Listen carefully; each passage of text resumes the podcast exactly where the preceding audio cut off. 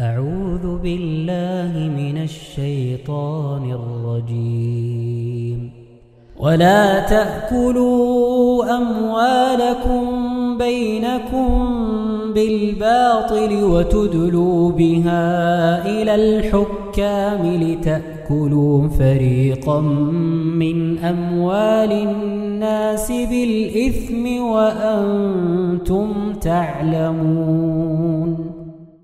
هذه الآية يعني الحكم الرئيسي فيها تحريم أكل أموال الناس بالباطل. تحريم أكل أموال الناس بالباطل. وأنه محرم سواء كان سرقة أو غش أو غصب. ومعنى قوله وتدلوا بها إلى الحكام أي تتخاصموا بها إلى الحكام.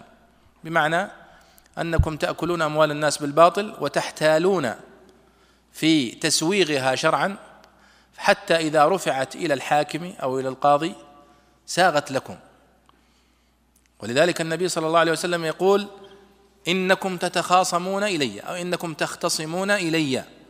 ولعل بعضكم أن يكون ألحن بحجته من الآخر فأقضي له على نحو مما أسمع. وهو على باطل لكن حجته مقنعة. فأقضي له. على نحو مما أسمع. هذا كلام النبي صلى الله عليه وسلم. ومن دونه من باب أولى. فمن قضيت له بشيء. يعلم أنه باطل. فهو محرم عليه أو كما قال عليه الصلاة والسلام. أو فإنما أقضي له بقطعة من النار. فليأخذ أو ليدع.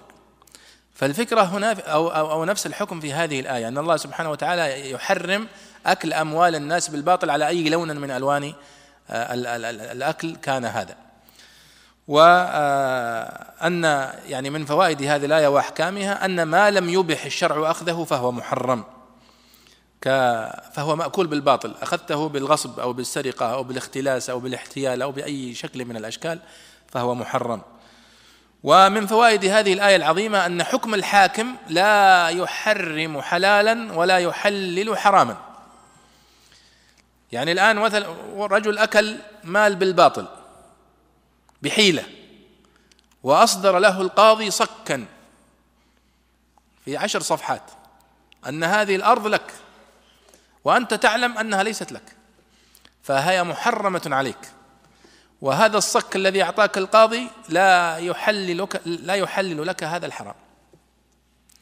وهذا من فوائد هذه الآية العظيمة لأن البعض قد يقدم على مثل هذا ويخرج له صك فيرى أن ما دام الصك عندي صك الحمد لله.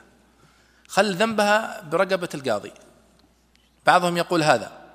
فالله سبحانه وتعالى قال لا.